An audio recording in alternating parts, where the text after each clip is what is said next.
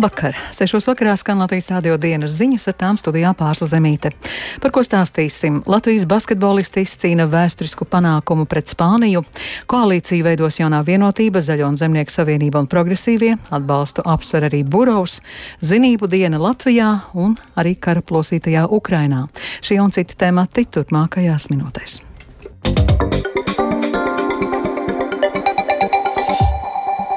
Latvijas basketbola izlase at apspēlē, atspēlējot 12 punktu deficītu pirmo reizi pēc neatkarības atgūšanas ar 74 pret 69 izcīnīja uzvaru pret divkārtējiem pasaules čempioniem Spānijas valsts vienību.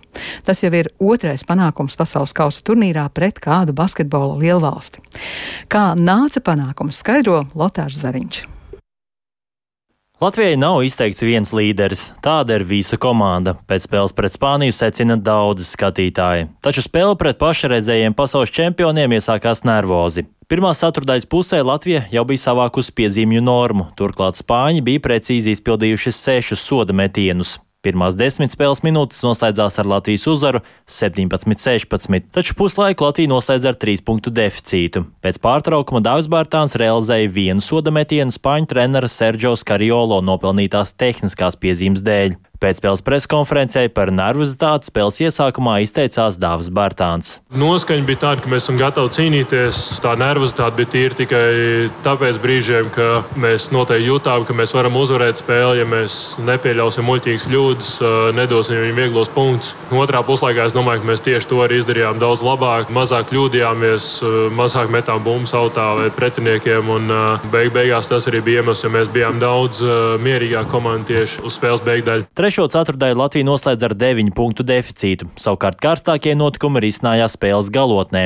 37 sekundes pirms mača beigām Latvijai bija 5 punktu pārsvars. Spānija realizēja tālmetienu, bet Kristers Zoriks atbildēja ar diviem precīziem sodametieniem. Pirms pēdējā uzbrukumā Rodions Kuruts sekmīgi nospēlēja aizsardzībā un pret viņu pārkāpjot noteikumus, basketbolists realizēja divus soda metienus. Spāņi 8 sekundēs nevarēja glābt spēli. Latvijai panākums ar 74 pret 69. Pēc spēles uzvarētājus novērtēja arī Spānijas izlases galvenais treneris Sergio Skariolo. They... Latvija spēlē labi visa turnīra garumā. Ir neiespējami pateikt, kurā vietā Latvija varētu noslēgt turnīru. Nākamā spēle ir ļoti svarīga. Viņi spēlē bez nekāda spiediena ar izcilu komandas ķīmiju. Ar šādu domāšanas veidu Latvija ir pelnījusi tik tālu turnīrā. Tas arī ir mans skaidrojums, kāpēc Latvija turpina uzvarēt spēles. Rezultatīvākais Latvijas izlases rindās ar 16 punktiem bija Dāvis Bērtāns. Tikmēr astoņas atlākšās bumbas Rodiona Kuruts kontā. Svētdien ar spēli pret Brazīliju Latvija turpinās cīņu par pasaules kausa ceturdaļfinālu. Lotārs Zariņš, Latvijas Rādio. Nākamās valdības veidošana pirmdien turpinās jaunā vienotība, Zaļo un Zemnieku savienība un progresīvie. Tā šodien paveistīja premjera amatam nominētā Evika Siliņa no jaunās vienotības. Tuvākajā laikā taps valdības deklarācija vai uzdevumu plāns vēl šim gadam un ilgākam periodam, kā arī koalīcijas līgums. Vienlaikus sāksies arī atbildības sfēru sadale. Apvienotais saraksts ir atteicis dalību topošajā valdībā, skaidrojot to ar Zaļo un Zemnieku savienībai pietuvinātā Aivara Lemberga ietekmes attīstību atjaunošanos. Siliņas šo pamatojumu sauc par atrunāšanos. Es nekādas vienošanās slēgus nesmu. Jau bijām iepriekš vienojušies, ka viennozīmīgi ZZS neuzņemas atbildību ne par tieslietu ministriju, ne par drošības bloku. Un te pēkšņi apvienotais saraksts nāca ar ļoti līdzīgu deklarāciju. Līdz ar to, manuprāt, tās ir spekulācijas. Es nekādā gadījumā netaisos pieļaut Aivara Lemberga ietekmi ne tikai saistībā ar piedalīšanos sadarbības sanāksmēs un valdībā, bet arī kopumā vēlos redzēt labas korporatīvās pārvaldības principus arī ministrijās. Sabiedriskās politikas centra providus direktore politoloģa Iveta Kažoka ir pārliecināta, ka koalīciju veidojošās partijas vēlas apliecināt jaunās valdības spēju strādāt labāk. Nu, man šķiet, ka visām trim jauno valdību veidojošām partijām būs ļoti spēcīga motivācija parādīt, ka jaunā valdība strādā labāk nekā iepriekšējā Un, protams, ka vismaz jaunai vienotībai un progresīvajiem, ja kāda Lemberga ietekme uz valdības darbu bojās viņu pašu tēlu. Līdz ar to tas ies pretēji tam, kāpēc vispār šāda valdība ir tikusi izveidot no jaunās vienotības un progresīvo puses. Tāpēc es teiktu, ka struktūrāli vismaz divas no trim partijām ir ieinteresētas visādā veidā Lemberga faktoru mazināt, un šķiet, ka arī Zaļo zemnieku savienība arī labi apzinās, ka Lemberga faktors tas ir atkal ceļa uz ļoti dziļu opozīciju. Tāpēc es teiktu, ka var būt dažādi, bet tas vien, ka šajā valdības modelī ir klāta Zaļo zemnieku savienība un viņiem tur ir diezgan daudz balsis, vēl nenozīmē, ka Lembergam tur būs liela nozīme attiecībā uz svarīgāko jautājumu pieņemšanu. Un piebildīšu, ka topošo koalīciju varētu atbalstīt arī pie frakcijām nepiedarošais deputāts Oļegs Burovs. Konkrētas sarunas ar koalīcijas veidotājiem par to vēl nesot bijušas, taču Burovs neslēpj, kā ar Zaļo un Zemnieku savienību jūlijā apspriedis iespējamu partijas gods kalpot Rīgai sadarbību nākamajās pašvaldību vēlēšanās. Appusēji vienojoties, Burovs pieļauj iespēju līdz tam sadarboties arī saimā, pirms tam to apstiprinot gods kalpot Rīgai valdē. Vairāk nekā 25 tūkstošiem Latvijas pil Krievijas pilsoņu, kuri dzīvo Latvijā, šodien beidzas pastāvīgās uzturēšanās atļaujas. Statusa atjaunošanai ir pieteikusies vai plāno to izdarīt jau aptuveni 19 tūkstoši cilvēku. Savukārt nedaudz vairāk par 800 cilvēku ir pieteikušies termiņu uzturēšanās atļaujai. Pārējie neko nav darījuši, lai uzturēšanās atļauju saņemtu. Kas ar šiem Krievijas pilsoņiem notiks tālāk un vai viņiem valsti nāksies pamest vairāk Viktora Demīdova ierakstā. No vairāk nekā 25,300 Krievijas pilsoņu, kas dzīvo Latvijā, pastāvīgās uzturēšanās atļaujā ir pieteikušies 13,000 cilvēku. Šodien zināms, ka vēl aptuveni 6,000 ir pieteikušies atkārtotai valodas pārbaudē, kas viņiem ir jāveic līdz novembra beigām. Tāda ir pilsonības un migrācijas lietu pārvaldes dati. Tātad vismaz 19,000 Krievijas pilsoņu vismaz tuvāko mēnešu laikā nekas nemainīsies. Turpina pilsonības un migrācijas lietu pārvaldes priekšniece Maira Roze. Likumdevējs mums ir devis termiņu, desmit darba dienas, lai mēs apkopotu informāciju. Jo, kā jūs saprotat, arī šodien vēl te ienāk dokumenti, kas ir jāapstrādā, viņi jāsavada informācijas sistēmā un tā tālāk. Tie, kas ir iesnieguši termiņu uzturēšanās atļauju, tos mēs arī skaitam klāt, ka viņi paliek. Tas nozīmē, ka tie ir jau 20 tūkstoši. Un es domāju, ka nākošajā nedēļā mēs varēsim precizēt, ka tie ir vēl vairāk. Tas nozīmē, ka līdz septembra vidum ierasto dzīvi ar sociālajiem garantijām varēs turpināt arī tie Krievijas pilsoņi, kuri līdz šim nav neko darījuši, lai uzturēšanās atļauju noformētu. Tad pārvalde viņiem plāno izsūtīt vēstuli ar aicinājumu 90 dienu laikā Latviju pamest. Roze lēš, ka tie varētu būt aptuveni 4,5 tūkstoši cilvēku. Jāatzīmē, ka šonadēļ iekšlietu ministrija saimā iesniegusi piedāvājumu mainīt imigrācijas likumu, kas paredzētu Latvijā dzīvojošiem Krievijas pilsoņiem vēl divus gadus, kuru laikā nokārtot latviešu valodas pārbaudi. Vai tas attieksies tikai uz tiem Krievijas pilsoņiem, kas valodas pārbaudījumu nokārtot mēģinājuši, bet nesekmīgi, vai tas attieksies arī uz tiem, kuri līdz šim neko nav darījuši, nav zināms. Ar tagadējo situāciju nav apmierināts valsts prezidents Edgars Rinkēvičs, kurš izteicies Latvijas televīzijā.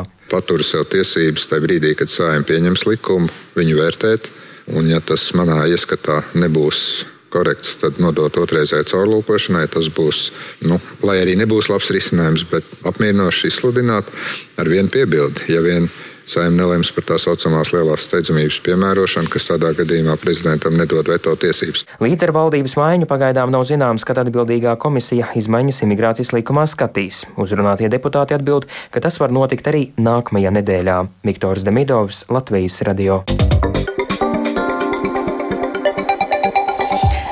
Šodien bērni visā Latvijā devās uz skolu. 563 skolas ir atvērušas pašvaldības, 72 ir privātas skolas. Reformējot valsts skolu tīklu, 24 mācību iestādes ir vai nu samazinājušas izglītības pakāpi, vai arī kļuvušas par kādas citas skolas filiāli. Un astoņas lauku skolas šajā mācību gadā vairs never durvis. Rīgas 40. vidusskolā zinību dienas zvans skolā skanēja jau 70. reizi, un tur šodien viesojās arī Latvijas rādio un vairāk Pauls Dēvids ierakstā.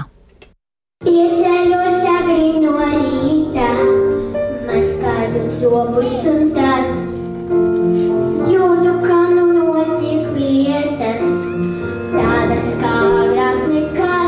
Pasākumā sanākušos ar komponista Ulda Marhileviča dziesmu Sarkanās kurpes sveica otrās klases skolniece Amēlija. Vēlāk uzstājās arī skolas puišu dēju grupa. Skolēni gaiteņos un klasēs spēlēja spēles un pārunāja vasarā piedzīvoto. Tur Latvijas radio satiek arī divas otrās klases skolnieces Veroniku un Amēliju. Nu, tā ļoti grib skolā. Varbūt ir kāds mācību priekšmets, ko jūs ļoti gaidat? Man nepatīk. Krievu valoda, man, bet man patīk matemātika. Te es domāju, ka vasara būs ļoti ilga, bet nē, vasara beidzās. Tā? Patika matemātika un nepatika angļu. Valoda? Ja? Ir žēl, ka vasara beidzās. Jā. Tātjana šodien uz Rīgas 40. vidusskolu atvedusi trīs bērnus, kuri uzsāks mācības 2., 9. un 12. klasē. Tātjana atzīst, ka bērni šorīt modušies ar prieku. Mazajai gribētos atnākt un visus satikt, lielajiem nopietnāki. Savukārt Viktors uz skolu atvedis jaunāko dēlu uz pirmo klasi. Neziņā, bet priecīgs, jā, kas sagaidā. Šī ir viena no izglītības iestādēm, kura šogad sāks īstenot pāreju uz mācībām latviešu valodā. Skolas direktore Jeļena Vedišķeva Latvijas radio skaidro, ka pašlaik, kad pāreja jānodrošina tikai pirmajām, ceturtajām un septītajām klasēm, pedagoģu pietiek. Tomēr nākotnē visticamāk būs iztrūkums. Liela sāpe ir par latviešu valodas un literatūras skolotāju trūkumu, un, protams, ka ar šodienu mēs sāksim skatīties praksē, cik labi mēs esam sagatavojušies šai pārējai. Jo man ļoti patīk šis izteiciens, ka neviena neviens cīņas plāns neiztur pirmo kauju. Vedišķeva skaidro, ka secinājumus varēs izdarīt tikai, kad būs pieredze, un piebilst, ka šī pārēja ir darbs ne tikai skolā, bet arī mājās. Paula Dēvica, Latvijas radio. Zinību diena šodien arī kara plosītajā Ukrainā. Tur jaunais mācību gads jau otro gadu aizritējis pavisam citādāk nekā esam ieraduši to novērot Latvijā. Kara dēļ skolēnu izglītošana notiks trīs dažādos veidos - klātienē, attālināti vai arī apvienojot šīs divas metodes, stāsta Rihards Plūme. Saskaņā ar ANO datiem vairāk nekā 3500 izglītības iestāžu Ukrainā ir vai nu bojātas, vai arī pavisam iznīcinātas. Un skolēniem ir bīstami doties uz skolu ne tikai vietās tuvāk frontei, bet arī skolās, kas nav tiešā frontes tūmā. Un bīstami tas ir potenciālo Krievijas raķešu vai dronu triecienu dēļ. Var pietrūkt laika, lai bērni paspētu tikt līdz patvērtnē vai pagrabam drošībā. No šodienas skolā attālinātās mācībās atgriezīsies aptuveni pusmiljons Ukrāņu bērnu. Tātad tiešsaistē mācīsies trešā daļa visu Ukraiņas skolēnu. Apvienoto Nāciju organizācijas bērnu fonda dati liecina, ka aptuveni puse Ukraiņas skolotāji arī uzskata, ka kopš pilna mēroga iebrukuma sākuma ir pasliktinājušās viņu skolēnu valodas, lasīšanas un matemātikas prasmes. Vēl viena trešdaļa bērnu pilnībā mācīsies klātienē, un tas notiks tur, kur ir izbūvētas bumbu patvērtnes. Un mācību process dažādos apgabalos tiešām atšķirsies atkarībā no drošības apstākļiem. Ukraiņa turpina domāt par to, kā kā tagad un arī nākotnē rūpēties par izglītojumu drošību. Nu, piemēram, Harkivā skolēniem tiek gatavotas klases metro telpās.